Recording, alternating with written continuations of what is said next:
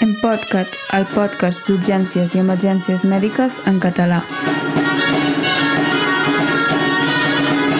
Benvinguts de nou a l'Empodcat, que com tots ja sabeu és un espai que, en el qual conversem una miqueta i expliquem alguna cosa sobre les urgències i emergències sanitàries. Un podcast conduït per un equip multidisciplinari i multicèntric. Per un costat eh, tenim l'Albert. Hola Albert, bon dia. Bon dia, bona nit, eh, bona tarda, bon el que sigui. Explica'ns alguna cosa d'on te treballes i per la gent que ens segueix per primera vegada, que així ens coneixen una miqueta. A veure, si hi ha nous oients, sempre benvinguts, benvinguts nous oients.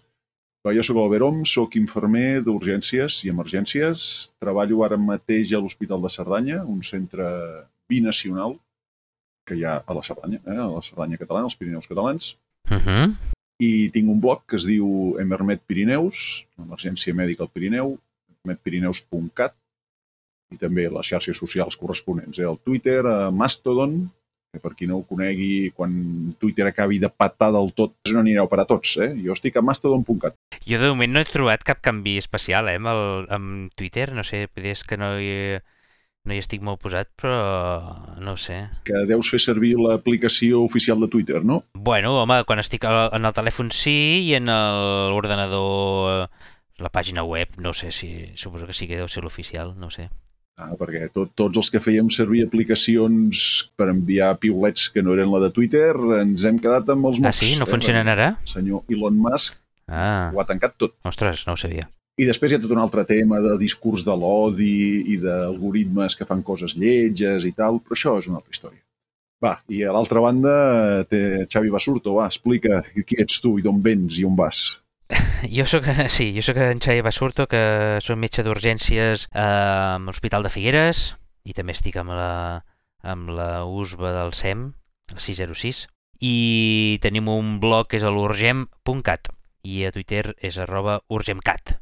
I en allà doncs, també expliquem quan tenim temps, perquè ara últimament anem una miqueta trafegats i estem publicant poques coses, però bueno, a Twitter és més fàcil perquè la cosa és més curta i tal i anem fent cosetes, però el blog li costa una miqueta. Però bueno, ja hi, podeu, ja hi ha coses interessants i, i de tant en tant ja... I anem posant coses que després us expliquem a l'Empodcat. O sigui que d'una manera o l'altra, si esteu interessats, és fàcil d'arribar-hi. Per cert, que l'altre dia, mm, un d'aquests últims eh, podcasts que hem posat, vam parlar sobre la fibrinòlisi del TEP i eh, en vam fer també una sessió a l'hospital i tot això i no sé si és la llei de no sé qui però va ser fer la sessió d'aquesta i al cap de 4 dies vam tindre un TEP xocat i que feia pinta d'estar-se morint i, i els que estaven de guàrdia van dir ostres, que fa poc que vam fer la sessió del TEP de fibrinòlisi i no sé què.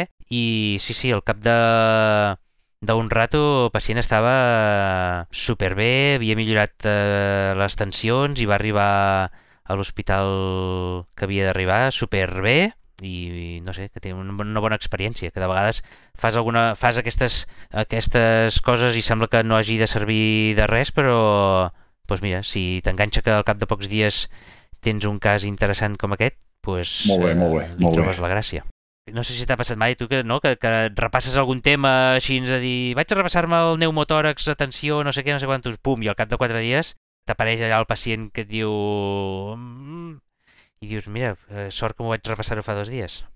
Són com allò dels... El que, Evidentment que ha passat. el, el que explicaves tu un dia dels eh, els esdeveniments de baixa probabilitat, no te'n recordes? Allò que hi havia aquella, aquell acrònim sí, que no sí, me'n recordo? Sí, els, Tenies... els cago. Els cago. Els casos, ocasio... casos d'alta gravetat ocasionals. Ah, exacte. Sí, sí. Ah, exacte. Gran acrònim aquest. Sí, sí, sí, sí, els cago. Molt bé, molt bé, és que m'hi he recordat ara. Molt bé, molt bé. Doncs eh, avui, en l'episodi d'avui, teníem un podcast que és del One Page eh, UCA o alguna així, no? Que parlàveu de... es parlava de la pulsioximetria i havies fet la traducció no? d'aquest podcast i tot això. No, no, no, no és un podcast, és una... Si, de no sé quin episodi ho vaig, ho, ho vaig fer com una recomanació. El One Page ICU és d'un senyor, Nick Mark, que també el teniu a nickmark arroba masto, medmastodon.com que el que fa un resum d'algun tema en concret amb un sol, amb un sol full. Per això el one page. O sigui, és- com una info, fa com una infografia o com una, bé, un resum en una sola pàgina, no? Ah, exactament. I... I Això es diu One Page. One Pager, ICU. ICU perquè parla de temes de cures intensives. I em vaig traduir un, en tinc un parell més allà al calaix, esperant, no sé exactament què espero, algun dia els acabaré de traduir, de moment tinc aquest. I com que és un tema que és molt bàsic, bàsic en el sentit de, no perquè sigui senzill, sinó perquè és àmpliament utilitzat per moltíssima gent en moltíssims entorns, hi ha molta informació a donar, Sí. per fer-lo servir bé. I penso que, mira, és una bona manera de fer-ho en format podcast, també pot servir. Sigui, avui parlarem de la pulsioximetria, aprofitant aquesta infografia. Parlem d'això i després tenim dels, els apartats de sempre, que si els, els urgent mots, les recomanacions i el menys és més. Si et sembla, si vols començar ja, Albert? Vinga, parlem de la pulsioximetria. El primer que potser hauríem de parlar de la pulsioximetria és què carai és, no? Què és la pulsioximetria? Va, la pulsioximetria és la mesura contínua i no invasiva de la saturació d'oxigen de l'hemoglobina. Deu paraules seguides i ara potser comencem a desgranar-les una mica. Parlaré primer una miqueta de què és això de la saturació d'oxigen de l'hemoglobina, perquè si tenim una miqueta clar això podem entendre moltes coses darrere. L'hemoglobina és una proteïna que té un ferro dins que serveix per captar l'oxigen que hi ha dins una solució i poder-lo transportar. L'hemoglobina la conté, està continguda dins dels glòbuls vermells i el que fa aquesta hemoglobina és això que acabo de dir, eh? és a dir, troba les molècules d'oxigen molecular, d'O2, que circulen dins el líquid, plasma en aquest cas, les captura, se les queda dins, és transportat a distància, aquesta proteïna dins el glòbul vermell, i quan arriba a, la, a on convingui, als teixits, aquesta molècula d'oxigen que es desprèn i es difon, fa el camí invers. Se'n va al plasma i del plasma se'n va cap a, cap a les cèl·lules veïnes. Això, que sona senzill, de senzill no en té absolutament res, i fa servir un principi fisiològic molt interessant que queda registrat amb una cosa que tots els que heu fet carrera us heu de recordar, que és la famosíssima curva de dissociació de l'hemoglobina Uh -huh. perquè aquesta captació d'oxigen la fa els capilars alveolars, evidentment, que és on arriba l'oxigen de l'aire ambient. L'alveol està ple d'oxigen, que difon i s'equilibra la quantitat d'oxigen que hi ha a l'aire dins l'alveol, l'aire alveolar, s'intenta equilibrar fins amb el que hi ha dins el plasma sanguini, i aquí el, la molècula d'hemoglobina s'emporta la molècula d'oxigen. En funció de la quantitat d'oxigen que hi ha dissolt en el plasma, doncs l'hemoglobina se n'emportarà més o menys.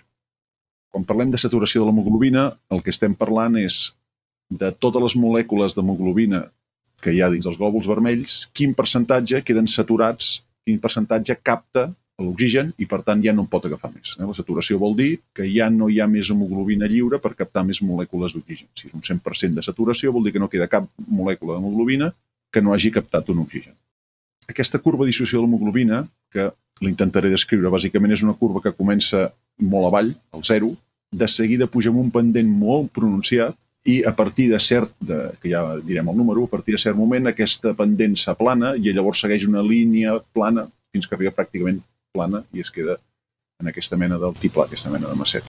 Això el que vol dir és que, amb els números, no? és a dir, el 100% de saturació és la part de dalt d'aquesta corba i amb l'altre eix és en funció de la quantitat d'oxigen que hi ha dissol en plasma, que és zero a la nostra esquerra i va augmentant fins a la dreta, com més oxigen hi ha, més molècules d'hemoglobina queden saturades per aquest oxigen. Però amb aquesta forma que us he explicat de la corba, és a dir, que inicialment puja amb un pendent molt dret, no diré que vertical, però gairebé, i després s'aplana, vol dir que quan tenim moltíssima quantitat d'oxigen dins el plasma, arriba un moment en què l'hemoglobina queda saturada i per més oxigen que posis al plasma ja no en podrà transportar més. I a l'inversa, és a dir, en el moment en què una certa, baixem d'una certa quantitat d'oxigen dissolen al plasma, que n'hi diem pressió parcial d'oxigen, es desploma brutalment la quantitat de molècules d'hemoglobina que queden saturades i, per tant, la capacitat de transportar aquest oxigen. Uh -huh. Per què l'evolució ens ha portat a transportar l'oxigen a l'hemoglobina i no dissolen al plasma? Com ens hi ha portat, no hi ha una... eh, L'evolució no segueix cap norma, simplement allò que funciona progressa i el que no funciona no, però la, gran, la gràcia és justament aquesta corba. És a dir, nosaltres captem l'oxigen allà on és disponible i allà on és menys disponible el perdem. I el perdem gràcies a aquesta corba. Això donaria per dos o tres classes de fisiologia i quines coses fan que la corba vagi cap aquí, vagi cap allà, i a la dreta, la desviació a la dreta i a l'esquerra de la corba de l'hemoglobina. I em sembla que hi ha fotut massa rotllo i hi ha d'haver gent que ja s'ha perdut, o sigui que ho deixarem aquí. Bàsicament la idea és que la relació entre la quantitat d'oxigen que hi ha dins el plasma no és lineal respecte a la saturació d'oxigen. D'acord? Això és important per coses que explicarem després.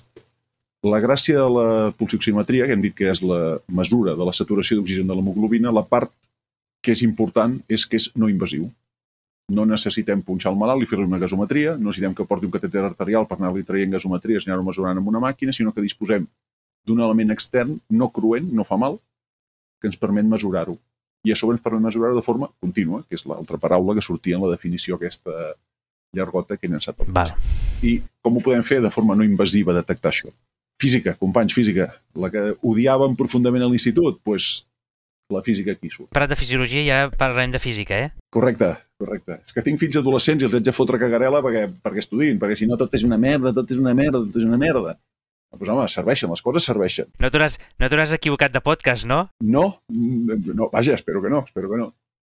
Va, seguim. Uh, un dels principis físics és que les molècules són capaces de captar una part de la radiació electromagnètica entre la qual la llum és absorbida per la molècula i, per tant, si tu llences tot un espectre, tota una, una llum de múltiples longituds d'ona, de moltes freqüències diferents, hi ha una part que no arriba, perquè és absorbida per la que t'interessi en aquell moment. No? Nosaltres, en el nostre cas, ens interessa per la hemoglobina saturada, però si ets astrofísic, t'interessarà per la pols interestel·lar, per dir alguna bestiesa. Com ho mesurem, això? Mira, bàsicament el que tenim és un aparell que n'hi direm sonda, el dispositiu que es connecta al malalt, que acostuma a ser un didal. Escolteu, cosa de l'urgent mot, eh? El didal és una cosa que feien servir les iaies per no punxar-se quan cosien. Cosir, allò que una agulla amb un fil i tal, allò que ja no fa ningú, eh?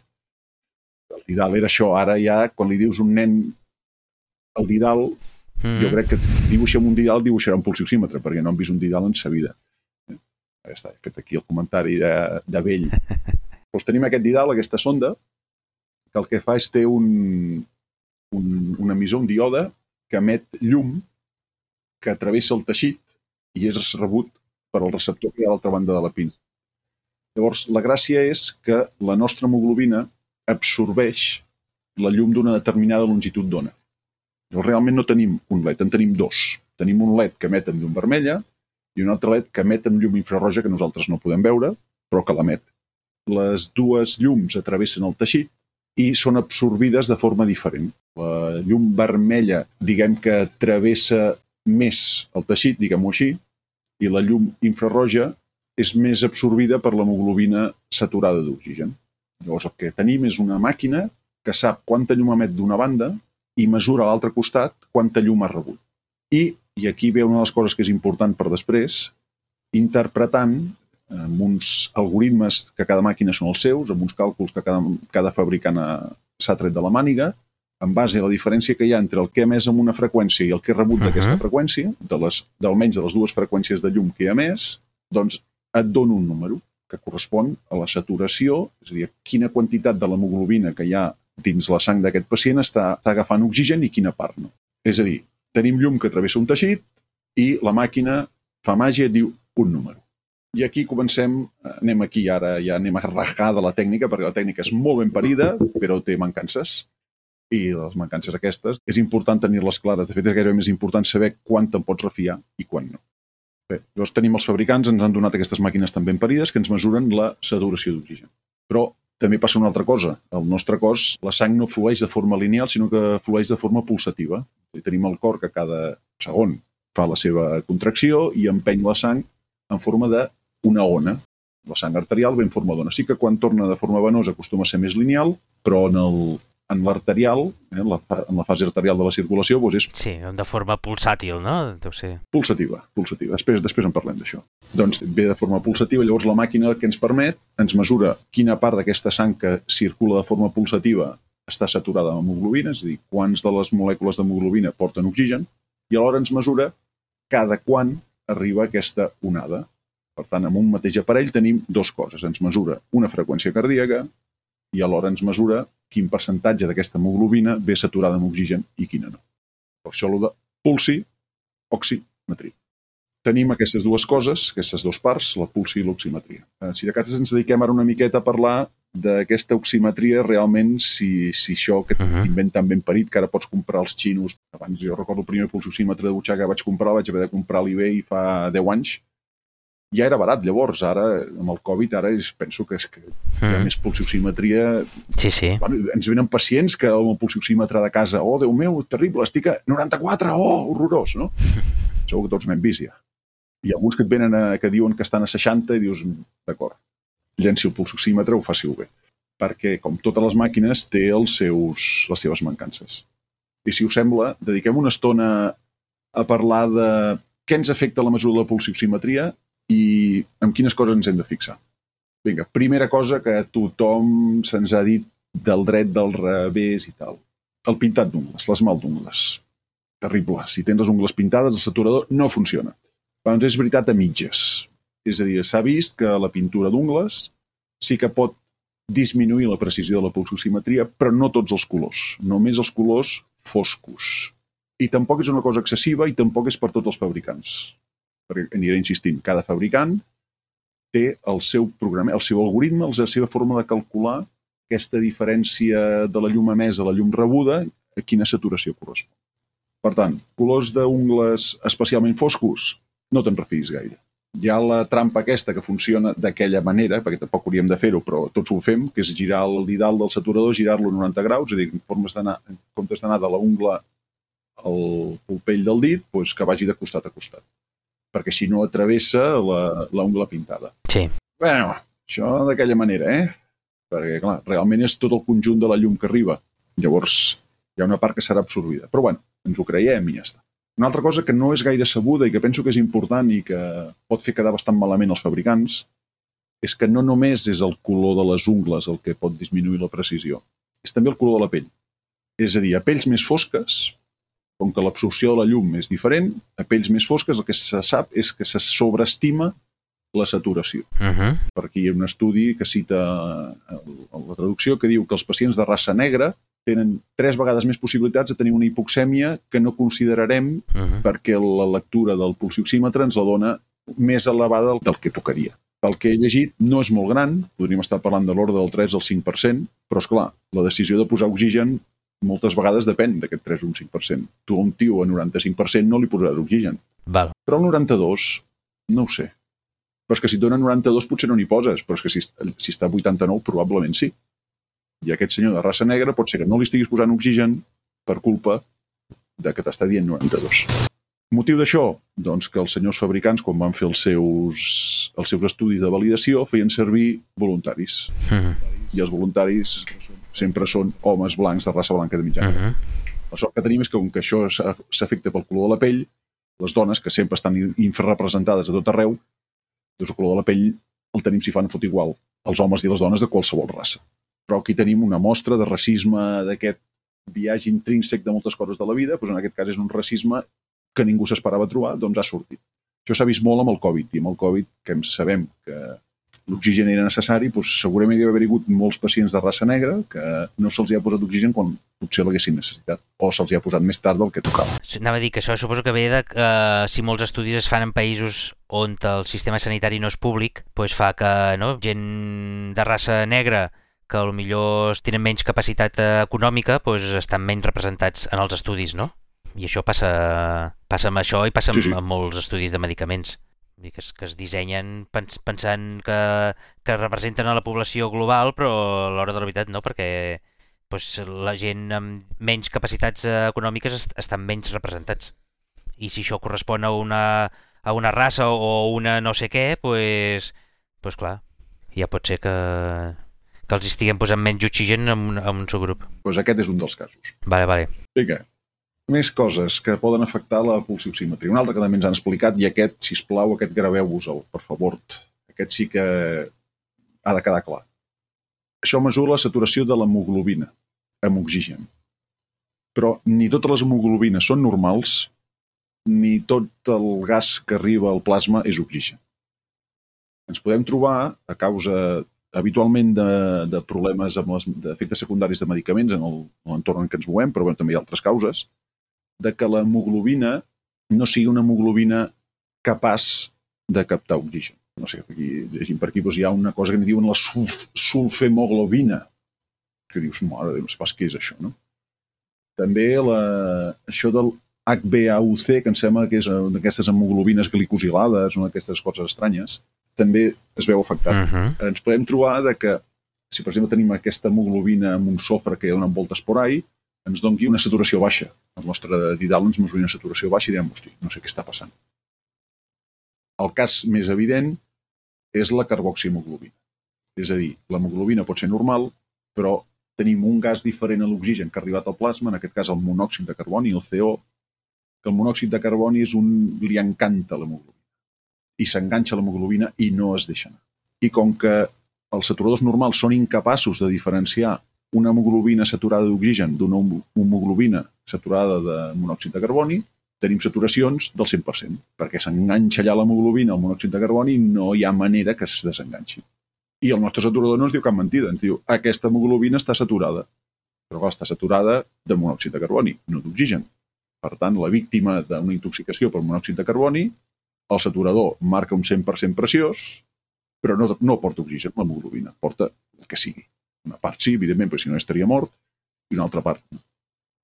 És a dir, amb un saturador normal Uh -huh. no ens podem refiar del número que dona en potencials víctimes d'una intoxicació per monòxid de carboni.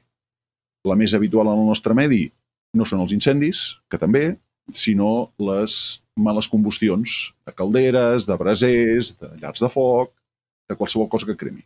Quina sort tenim? Doncs que tenim aparells nous, més moderns, que en comptes de fer servir dues freqüències de llum per llegir la oximetria, en fan servir vàries.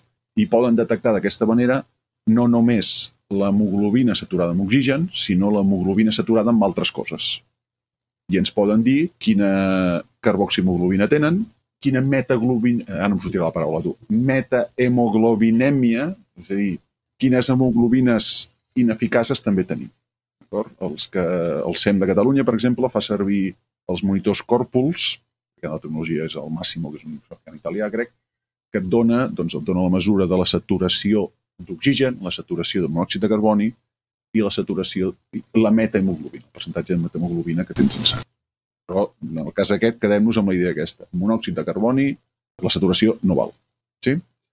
El que deia la metahemoglobina, una tonteria. Si ens trobem amb saturacions del, vuit- al voltant entre el 85 i 88%, que li fots oxigen i allò no es belluga i es queda 85, 88, 85, 88, i estic fotent una, una mascareta de flux, i no puja, i no puja de cap manera, i sempre està 85, 88, potser el problema el tenim en que tenim una metahemoglobina donant voltes per allà que ens està alterant el, el resultat del nostre saturador. D'acord. Més coses que ens poden complicar l'existència amb la pulsioximetria. La més habitual, especialment els que tenim la gran sort de viure a llocs on fa fresca, és la vasoconstricció. És a dir, tu perquè puguis detectar, amb un dit, per exemple, puguis detectar la pulsioximetria necessites bàsicament que hi arribi sang de forma pulsativa, perquè si no, no hi ha res a mesurar. I és clar, si fa fred, que tens una vasoconstricció perifèrica, doncs arriba poca sang. Per això tenim els dits tan freds, perquè hi arriba menys sang. Ja li podem posar el didal ja, que allà poc que mesurarà. També pot passar si la causa d'aquesta poca sang que arriba a les extremitats no és el fred, sinó qualsevol altra cosa que ho causa. Per exemple, un xoc, una hipotensió, una baixada del dèbit cardíac, que farà que la nostra senyal pulsativa arterial sigui molt baixa. Després, quan parlem de la part de pulsi, explicarem alguna cosa d'aquestes també.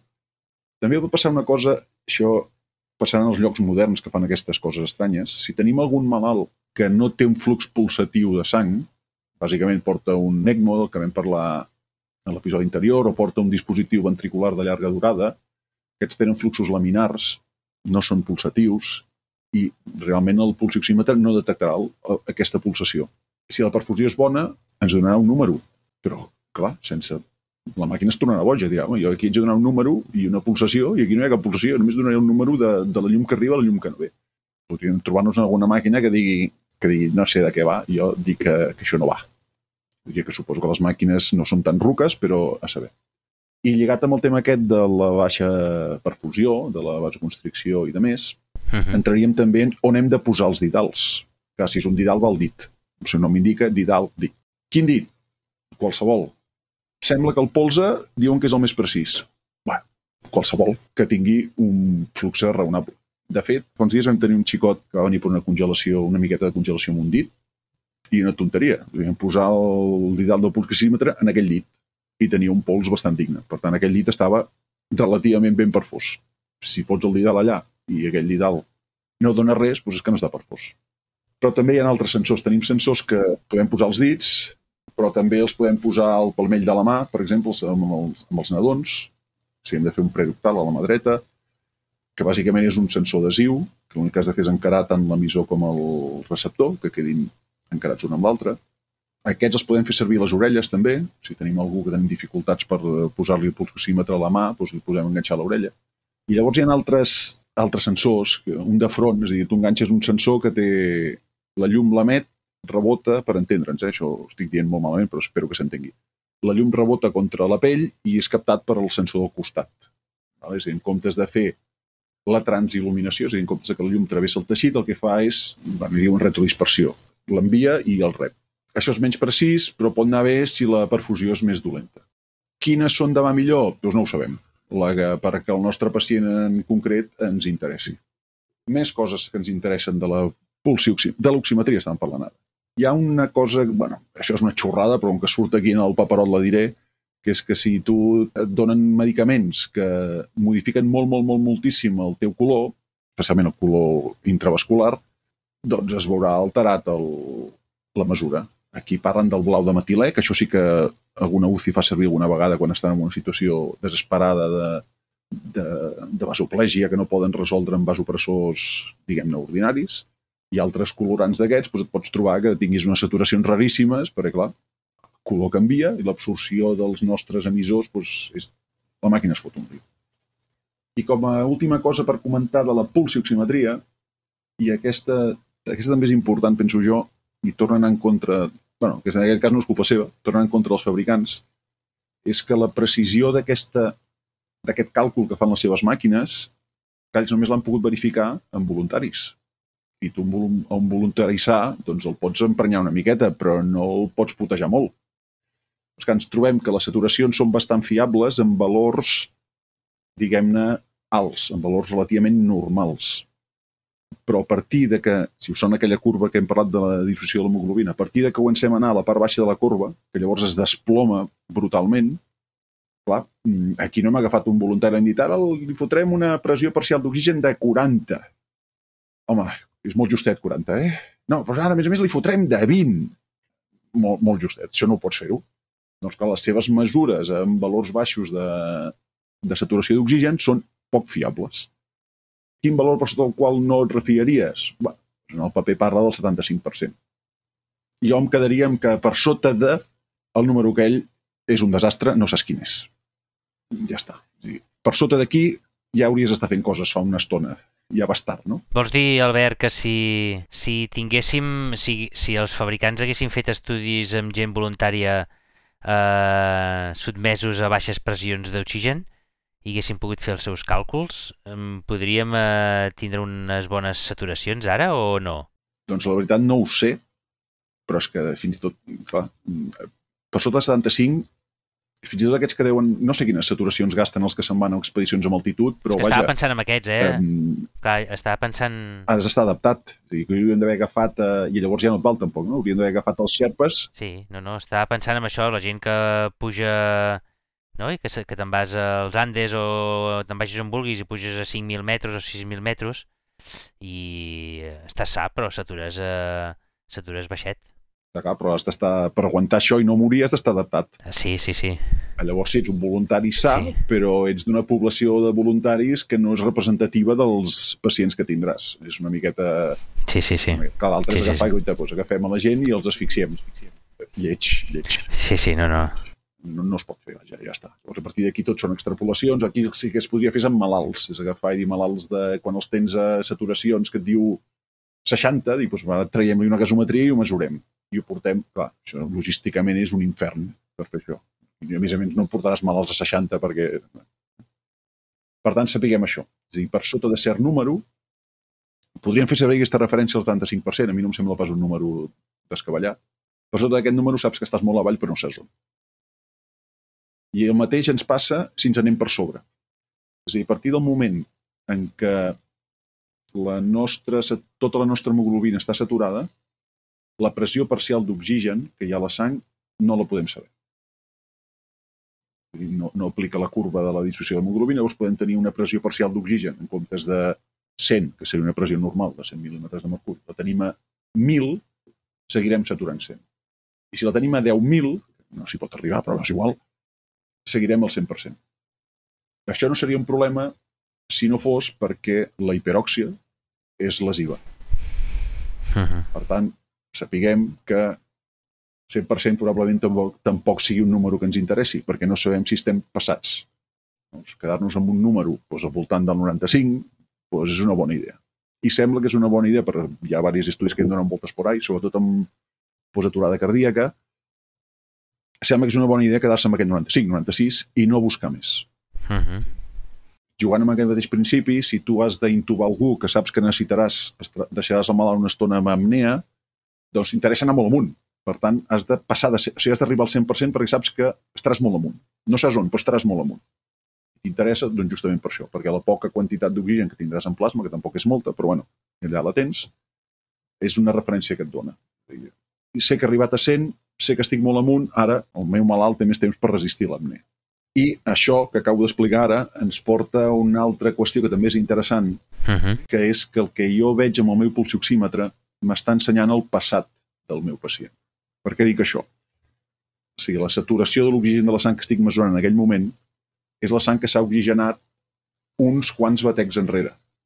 Si ens recordem del circuit de la circulació sanguínia, doncs tenim el circuit menor de la circulació pulmonar, és a dir, els nostres, el nostre hematie està a l'alveol, amb el següent batec se'n va a l'aurícula esquerra, en el següent batec baixa el ventricle esquerre, en el següent batec surt el ventricle esquerre, i X batecs després de que ha passat per l'alveol arriba el nostre, a ser detectat pel nostre sensor.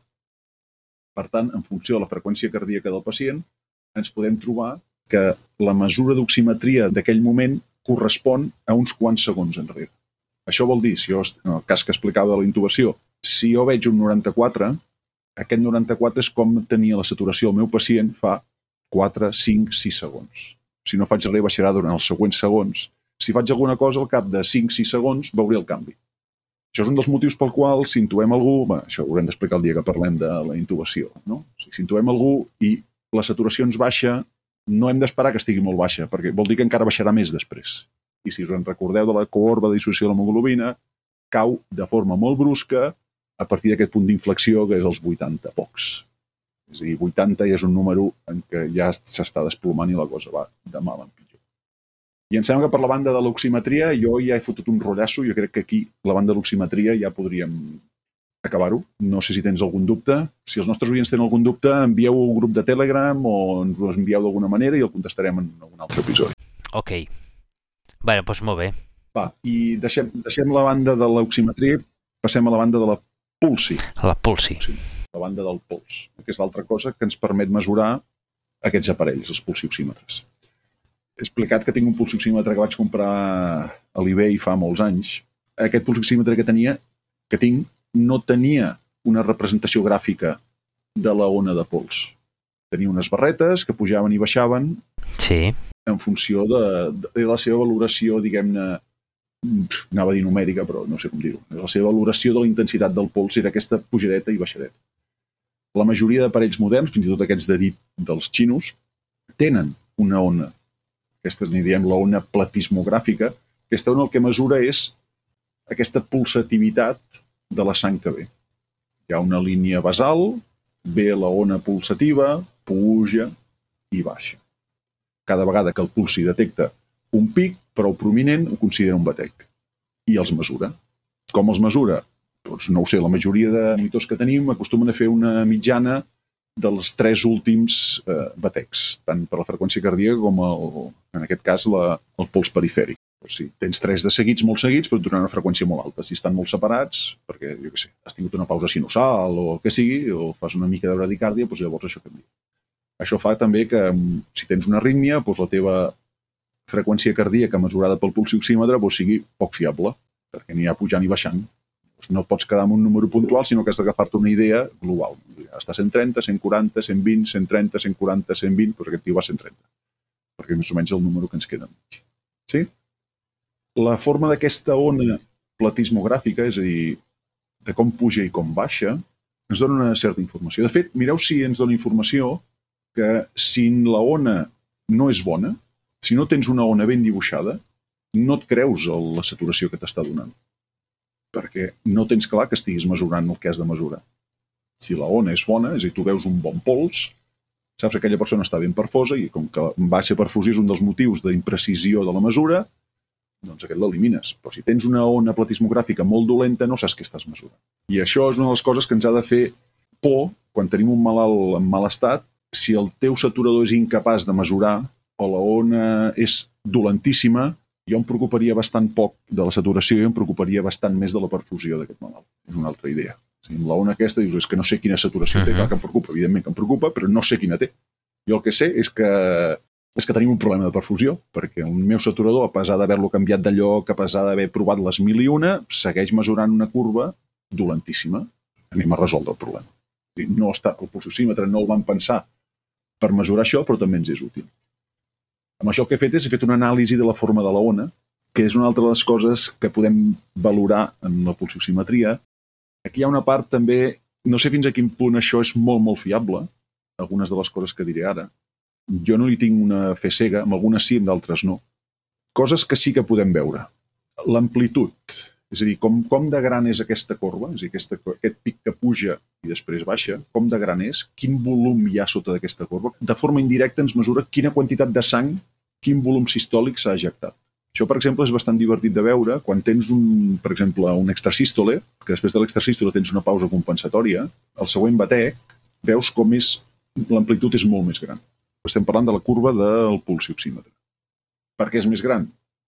El següent batec ha emès un volum més gran de sang i ha desplaçat un volum més gran de sang, perquè ha tingut més temps d'omplir-se l'aurícula i després ha passat més sang al ventricle i ha fet un volum sistòlic més gran.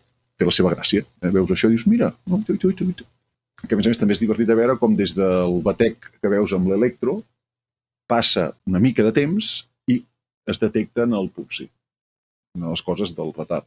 No té per què correspondre al batec que t'arriba amb, o sigui, la sang que t'arriba no té per què ser la del batec que ha detectat el, el d'això en si és l'electrocardiograma. Eh? Això també és una cosa.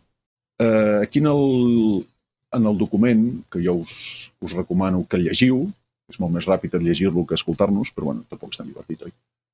Hi ha diferents formes d'aquesta ona. La ona aquesta de pulsioximetria que us dic, la ona de pols, té la pujada de quan comença la sístole, és a dir, quan s'obre la vàlvula òrtica surt tot, comença a sortir tota la sang, hi ha un moment de màxima pressió, que és quan tota la sang està sortint, a partir d'aquí comença a créixer la pressió fins que es tanca la vàlvula òrtica i llavors acaba de caure del tot. No? Doncs, quan s'obre la vàlvula és quan comença la pujada i quan es tanca ja està en la baixada i llavors és un, una muntanyeta que ve darrere. Sí? Jo el que he vist una, una vegada vaig veure en el seu moment fa bastants anys amb un aparell no molt precís que no mesurava la forma de la corba és un, recordo una taquicàrdia ventricular de 200 i escaig amb un pagès i la màquina mesurava 100 de pols perquè assumia que el segon pic que detectava corresponia a aquest pic que es fa quan es tanca la vàlvula. Ara ja la majoria de saturadors van amb el seu van amb, el, amb la ona, ens hi podríem fixar, però no està de més doncs, corroborar amb un pols perifèric que aquell número que t'està donant la maquineta correspon a la realitat que tu pots mesurar. En aquest cas era, doncs, segurament eh, la màquina interpretava aquesta segona pujadeta, com que no devia tenir temps d'acabar de baixar del tot, ja arribava la següent, no arribava a la línia basal, ho, ho entenia com, aquesta, com aquest pic, pic diastòlic que se'n diu, que és el tancament de la vàlvula òrtica. Eh, ja ho dic, una curva normal és això, tens una pujada molt vertical, comença a baixar i abans d'arribar a baixar del tot tenim aquest segon pic petitet. I aquí hi ha diferents estudis que ens dibuixen diferents altres formes, no? altres formes d'aquesta ona. Per exemple, eh, ens diu que si està molt vasoconstrenyit aquest pacient, tenim que el pic diastòlic, és a dir, aquí on ens, tanca la vàlvula òrtica, està molt elevada respecte al pic sistòlic, és a dir, allà on arriba eh, des de que s'obre la vàlvula. És a dir, l'espai que queda entre els dos pics és molt petitet. a mi em sembla, aquí això jo no m'hi fixaria massa perquè realment a mi, a mi em costa veure. Eh? Porto temps que amb els meus, quan estic a l'hospital, que tenim una central de monitorització, allà a la nit, que estàs allà rebentat, i veus les zones de pulsi dels teus pacients, miro, a veure aquest, a veure aquest, i sóc incapaç de diferenciar una cosa de l'altra. Si algú és capaç de fer-ho i ens ho pot explicar bé, jo estaré encantat d'escoltar. I no sé, jo, per la meva banda, podríem matar aquí. De tota la pulsi, em sembla que tot el que és, això ho podríem dir en pulsioximetria, tot el que necessites saber i més. Jo, el meu pulsi portàtil sí que et fa una petita gràfica de puntets que pugen i que baixen, però no em dona tanta informació, eh? El meu portàtil, eh? Això vol dir que fa temps que el tens. Sí, sí, sí, sí. Sí, sí. I Els cau, cau, moderns, a, aquests que es compren els xinos, sí, cau a terra, es- es desmunta, el torno a muntar i, i segueix funcionant. No sé, és resistent, és resistent. és resistent, sí.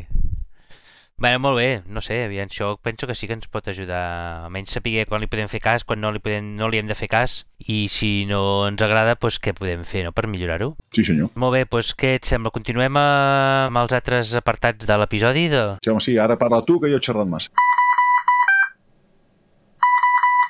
Doncs tenim un altre, un dels apartats que volíem eh, posar en l'Empodcat era el menys és més. I un dels exemples d'això era l'essential que tenim en el salutgencat.cat, que sabeu que n'hi ha, són totes aquestes eh, accions ara que hi han, bueno, ara fa molts anys ja, de veure quines coses fem a nivell assistencial, que les fem de forma sistemàtica i que no hauríem de fer-les de forma sistemàtica. Hi ha el, el, això, no? l'Essential, n'hi ha altres americanes que són el Do Not Do, el Choosing Wisely, i n'hi ha altres. Uh, L'altre dia vam parlar d'una, també d'un Essential relacionat amb el metamisol per la febre i el dolor, crec que per la febre i el dolor, de no donar-la de forma sistemàtica, el metamisol, i avui volia parlar també d'un altre Essential que va relacionat amb les eh, proves complementàries i concretament sobre la radiografia d'abdomen simple. I parla del, en els pacients que venen a urgències amb dolor abdominal agut, doncs de no fer de forma sistemàtica la típica placa d'abdomen que ens aporta poca informació. Sabem que els, els pacients amb dolor abdominal poden ser el 5-10% de tots els pacients que consulten a un servei d'urgències i sabem que la radiografia d'abdomen simple té molt poca capacitat diagnòstica si tu no saps ja exactament què, què estàs buscant. Uh, és a dir, en poques vegades una radiografia d'abdomen ens farà canviar el diagnòstic o tractament que li posem. A més a més, té el problema de, les, de la radiació. La radiació d'una radiografia d'abdomen és 35 vegades la que pugui fer una radiografia de, simple de, de tòrax. Per tant, si sabem que no ha de portar grans canvis en el diagnòstic i en el tractament, doncs poder que ho limitem una miqueta i no fem una radiografia d'abdomen a tot pacient que ve amb dolor abdominal. De fet, aquesta recomanació de l'Essential es basa en unes recomanacions de la Societat Catalana de Radiologia i de la Societat Catalana de Medicina d'Urgències i Emergències. I ens diu doncs, amb les quatre ocasions en la que sí que de forma sistemàtica doncs, està recomanat, no? perquè sí que te pot ajudar a saber què té el malalt o què li pots fer. I són en el malalt que ve per dolor abdominal agut i sospites una oclusió intestinal o que sospites una perforació d'una víscera buida o que té un còlic nefrític i en casos també de, per lo que t'expliqui el malalt, que sospitis un cos estrany. En aquestes quatre ocasions, doncs sí que tranquil·lament pots eh, demanar una radiografia simple d'abdomen i et pot ajudar. Amb la resta de, eh, de situacions, doncs mm, no és que no la puguis demanar, però no està recomanat de forma sistemàtica. I això és la recomanació de l'essència el que us volíem explicar en aquest episodi. d'abdomen, menys és més. Bé, i un altre apartat dels nos, del nostre d'aquest episodi de l'Empodcat és, com sempre, l'Urgent Mot. Si recordem, crec que va ser l'últim episodi, vam parlar d'una llista de fàrmacs que podrien millorar la nostra, el nostre català per uh, fer-ne ús d'aquests fàrmacs i ens quedaven quatre medicaments que teníem en el diccionari per repassar i era un que, bueno, no és que fem servir nosaltres precisament a urgències, però sí que hi ha pacients que el prenen i l'has d'escriure a la història clínica, o l'has de tenir en compte molt, en ocasions, i és el metotrexat. Moltes vegades en podíem dir de forma incorrecta el metotrexate, però incorrectament és uh, metotrexat. què més? També teníem el l'undencetró, d'acord? En el medicament, els pacients que estan vomitant i tenen nàusees i volem tractar aquest problema, doncs el que hem de fer és prescriure i administrar un ondencetró. I per, també per temes eh, gàstrics, un inhibidor de la bomba de protons, per exemple, l'omeprazola. L'omeprazola. Tot, de fet, tots aquests medicaments que acaben amb, amb zola, en Z-O-L-E, com el metamisol, el metronidazola, tots aquests acaben amb LE, el meprazola, el metamisola i el, i el metronidazola. D'acord? I després hi ha un relaxant muscul, un, una, un medicament que fem servir per fer la paràlisi muscular, que fa paràlisi respiratòria, quan fem una, una intubació, parlem del suc, suxamatoni. El suxamatoni és la succinilcolina, el nom correcte, i de fet hem de parlar, hem de deixar de fer servir la succinilcolina i fer servir el suxamatoni. Suxamatoni. Déu-n'hi-do. I amb això és tot. Eh, què et sembla, Albert? Suxamatoni, Déu-n'hi-do. Suxamatoni, sí. O suxa, no sé si vols dir. Et sona més fàcil... Això és com dir Xavi o dir-li Xavi, no? Correctament hauríem, hauríem de dir parlar de, de Xavi en lloc de Xavi, eh, com la xocolata, no, no n'hauríem de dir xocolata, sinó que hauríem de dir xocolata, doncs el, el succematoni, correctament, si vols encara, eh, a més a més, dir-ho, pronunciar-ho de forma correcta, seria el suxamatoni. Molt bé, molt bé, molt bé. Home, en, veig aquí molta reminiscència francòfona, eh? perquè l'omeprazole... És més, uh, ho veus tu, d'origen més francès, eh? No, no, ho és, ho és, ho és, és com ho escriuen. Ah, I, val, el, val. I, de fet, el seu el succematoni, el suc, ells n'hi diuen. O sigui, ells, el nom, de, el nom farmacèutic del medicament, és, ells en diuen, els francesos en diuen succematoni? Succemetonium, em sembla. Succematonium. Sí, sí. Menys bé, Val, bé, val, no alguna sabia vegada que hem tingut eh, formulació francesa, eh, ve, Sí. ve així, succemetonium. Molt bé, doncs, eh, doncs això és el que acabàvem, eh, volíem acabar de repassar, que eren aquests quatre medicaments. No sé si tu tenies, Albert, algun urgent mot per comentar? Mira, jo tinc un urgent mot tinc un urgent mot i una altra cosa que vull comentar després. L'urgent mot, eh, és, de fet, és a causa d'aquesta traducció. Ah, és del Pulsi, això? Sí, Val, sí, val. sí. Quan escrivia Ja això, semblat, ja m'ho semblat, ja m'ho escriure- semblat que, que Sí. volies parlar d'això, digues. Aniria per aquí la cosa, sí, sí. Vaig escriure pulsàtil Sí, per traduir el pulsatil anglès sí. I em m'ho marcava com, un, com una falta d'ortografia, el corrector automàtic. I vaig dir, eh, pots comptar el corrector automàtic, què ha de saber aquest tio i tal. I no surt al diccionari pulsàtil. Que, ostres, ah, No, no hi és. és pulsatiu. has de canviar de diccionari. És pulsatiu? No, no, perdona, és el diccionari de la llengua catalana de l'Institut d'Estudis Catalans, hòstia, és, Vale, és, val. és el Pompeu actual, no, no podem canviar aquest diccionari. Sí, O sigui que no és pulsàtil, és pulsatiu. el pulsatiu. Pulsatiu, eh? Pulsatiu, sí senyor. Un altre més, eh? Hosti, és- més friquis no podem ser. Pulsatiu. Va, doncs Però, aquest... escolta'm, eh, jo, no, jo avui no volia parlar de... la- Havia dit l'urgent mot, evidentment, però tinc una cosa... Si recordeu, fa uns quants episodis vaig parlar d'una cosa que es deia el projecte AINA, que és un projecte ja existia Sí. abans, però en aquest cas Sí, sí. la Generalitat de Catalunya el va Recordo. reimpulsar Per, de, per fer que els... per deixar la teva, la teva veu, no? Per la intel·ligència artificial, la teva veu en català i tot això, no? Exactament. És a dir, la gent gravàvem, i gravem, encara està obert, especialment per... Ens inter interessen veus de dones i variants dialectals que no siguin el català central. Per gravar àudios, validar-los, que això fa falta a tothom a validar, perquè es necessiten, no recordo quantes vegades més de validar que de gravar, i això és un corpus d'entrenament perquè aquestes intel·ligències artificials puguin entendre el català i actuar en conseqüència.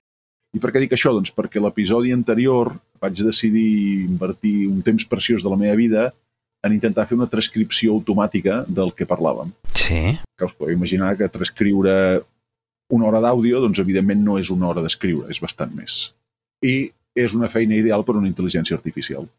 Hi han molts programes de transcripció d'àudio, hi han aplicacions específiques per transcriure àudios de podcast, però evidentment en català poca cosa. Fins ara. Hi ha un programari que es diu Whisper, que és és una intel·ligència artificial, que tu li pots ficar el corpus d'entrenament que t'interessa. Li vaig posar el corpus d'entrenament de, del català, basat en el projecte AINA, és a dir, les veus de tots els que veu gravar coses han servit per entrenar aquesta intel·ligència artificial i vaig treure la transcripció bastant digna, la veritat, de tot l'episodi anterior. Mm -hmm. És cert que s'ha de repassar i que llançar-ho tal qual pots trobar una sorpresa desagradable, però vaig pensar, si això és el que s'ha fet, sense tenir totes les hores que fan falta, i de més, compta amb aquesta intel·ligència artificial, eh? Això, això de la transcripció, Albert, l'altre dia mm, havia d'estar mirant un podcast d'un tema de simulació clínica i és un podcast que durava una hora i mitja i vaig veure que hi havia la transcripció de tot el que es anava dient, jo vaig veure en diferit, eh? I la veritat és que estava bé perquè volia veure si parlaven d'una cosa en concret i eh, com que tenia tota la transcripció li vaig buscar les paraules clau i clar, i me deia, doncs mira, eh, d'això en parlen en el minut eh, 54 i 30 segons. I vaig poder anar directament allà on m'interessava sense haver d'escoltar tot el podcast. No sé si això que estàs explicant tu també podria servir per això o no, per, per identificar una part concreta que t'interessi. I tant. I per posar subtítols, per exemple. Pots fer ser- servir per subtitular sense invertir moltes hores de la teva vida. Que aquesta és la gràcia de les intel·ligències artificials, no? que treballin per tu. Fins ara hem estat treballant nosaltres per elles. Ara seria interessant que alguna comencés a treballar per nosaltres. Vols dir que fàcilment podríem transcriure tot el que anem parlant i fer-ho en anglès o francès i així ens, eh, hi hauria més gent que ens pogués eh, escoltar o què? Això ja serien dues intel·ligències artificials, la de transcripció i la de traducció. I, mira, Bueno, però si una funciona... Softcatalà té, un, té el traductor automàtic eh, català-anglès, o anglès-català, que també és, fa servir tecnologia neuronal, tecnologia d'intel·ligència artificial, i Déu-n'hi-do, també Déu-n'hi-do. Sí. Jo, jo per, per temes de traducció, eh, normalment, a part del Google Translator normal i corrent que fem servir sempre, recomano el DeepL. No sé si... Eh... Sí, però no hi és en català. Bueno, sí, clar, no hi és en català. Però dir, si has de traduir text en anglès a català o, de, o, o, o bueno, d'anglès a espanyol i espanyol a anglès, eh, el DeepL ho fa força és bé. molt bo, aquest també. Molt bé, Albert. Uh, què Clar, més? fet, tanquem la falca d'intel·ligències artificials. Val. I ens faltava parlar, ah sí, d'algunes recomanacions, que alguna cosa que haguéssim vist interessants.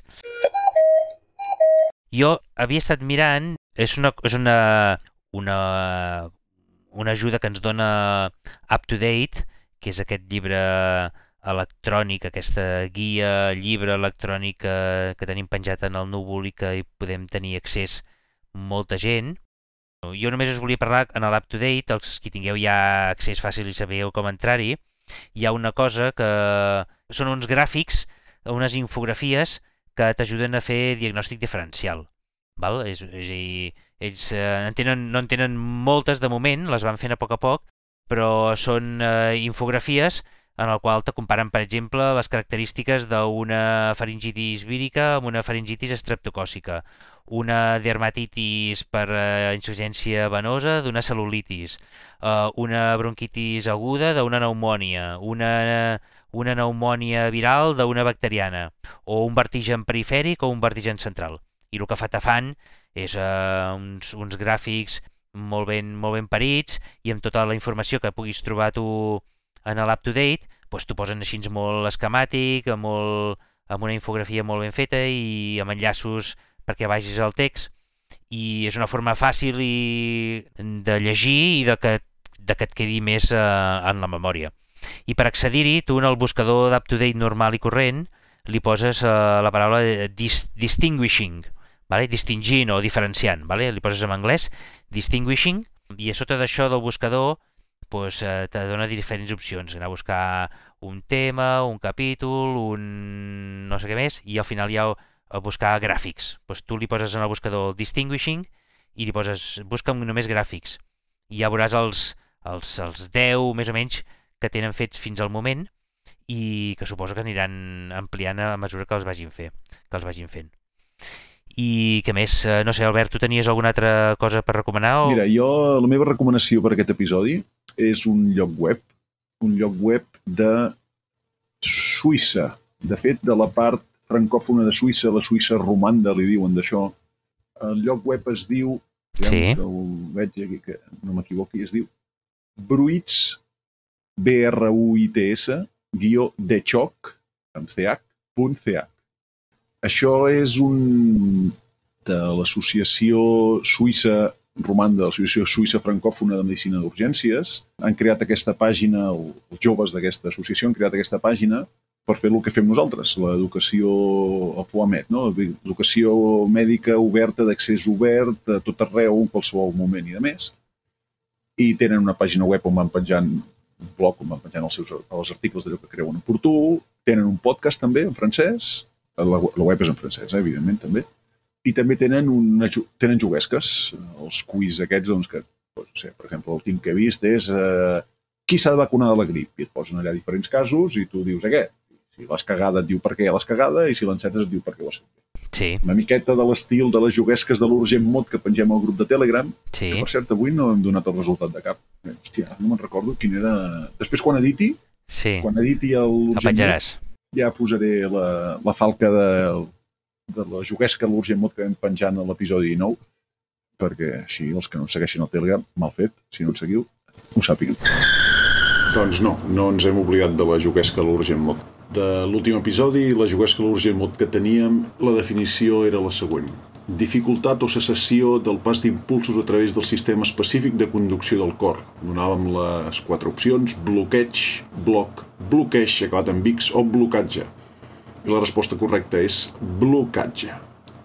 Va, i fem una altra juguesca a l'Urgent Mod per aquest episodi, que és la següent.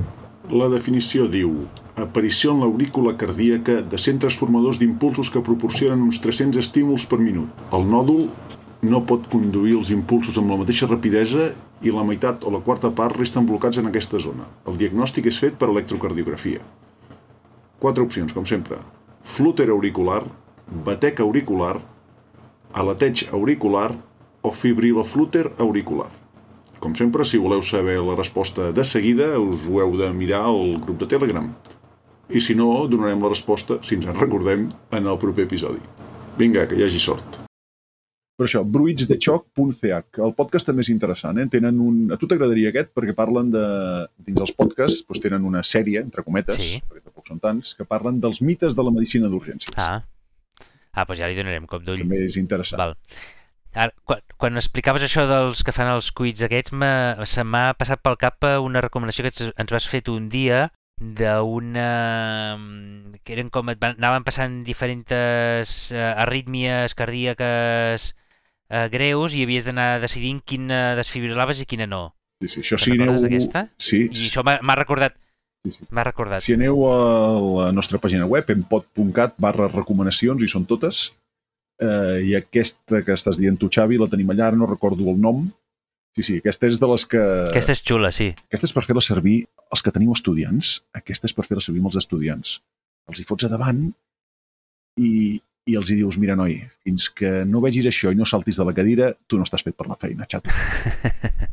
I a veure, que s'entrenin. Eh? Sí, sí, sí. La gràcia d'aquest justament és que quan veus la fibrilació ventricular estàs allà... Oh! On està el botó? Per això.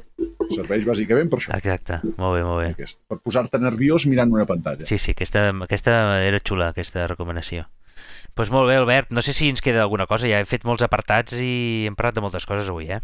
Jo crec que si queda algú que ens escolta ja serà meritori. Penso que només ens falta de dir lo, de, lo dels 50, no? dels 50 seguidors que hi ha en el, en el Telegram, Sí, senyor. del canal o del grup. El grup de Telegram ja som 50.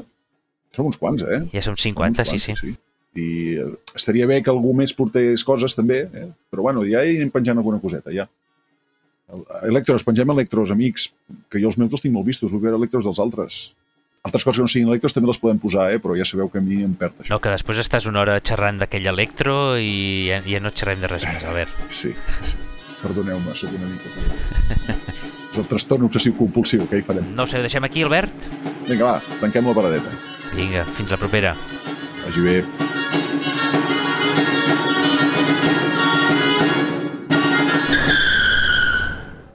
he he afegit aquí un petit trosset sobre la intel·ligència artificial i de fet aquest tros d'àudio que escolteu a partir d'ara ha estat tractat també amb una intel·ligència artificial. Ja ens direu a veure què us sembla. Si no us interessa ja podeu plegar aquí. Vinga, que vagi bé. I ja que parlem d'intel·ligència artificial, deixa'm fer, deixa'm fer una falca friki, va, que tinc unes quantes. Uh -huh. A tothom li deu sonar el xat GPT, que ha estat de moda les últimes setmanes, una intel·ligència artificial conversacional, Sí. en què tu li demanes coses i ella et contesta. Chat GPT està basat en, bueno, és una empresa OpenAI, és la versió 3, aviat sortirà la 4. Realment jo l'he provat, en l'administrador de, la, de la meva instància Mastodon és un friki i té muntat un robotet que tu li escrius allà el que vols i converses amb la intel·ligència artificial. I se'm va acudir preguntar-li una cosa que jo ja sabia. I a veure què em contestava. Li vaig dir, escolta'm, intel·ligència artificial, quina és la pressió que ha de tenir un pneumodemponament d'un tub endotraqueal? I la intel·ligència artificial no es talla un pèl i diu entre 10 i 20 centímetres d'aigua. I ho ben dit, eh? O sigui, el paio conversa superbé. I el pressió ha de ser entre 10 i 20 centímetres d'aigua. No és entre 10 i 20, és entre 20 i 30. I vam mantenir una conversa. O sigui, jo li vaig agafar i li vaig dir, escolta'm, i d'on ho has tret, això? I d'una pàgina web de la, de la Universitat de Barcelona. Molt bé, tenim una conversa. Passa'm l'enllaç de la web. L'enllaç de la web és example.com. És, m'estàs trollant, xaval. Si el tio és capaç de conversar. sí. Vaig quedar francament impressionat. Dic, hòstia, la conversa boníssima, el resum, la, la, Bueno, la informació un trunyo, però la conversa boníssima. Dic que això de la intel·ligència artificial, lligar-ho amb, el, amb això que he parlat del Whisper, que el Whisper m'ha impressionat realment. És a dir, el, aquesta transcripció, és a dir, és capaç de detectar la veu de tres persones diferents, que érem tres en aquell episodi, cadascuna amb la seva tonalitat, el seu accent i tal, a més a més amb, amb llenguatge complexa, perquè és llenguatge que no és d'ús comú, i compte, eh, que la va clavar. Després t'apareix el xat GPT aquest, que conversa de conya, però et pot unes troles que... Vull dir que, és, que no ens passi res a les intel·ligències artificials a futur. Veuràs tu quins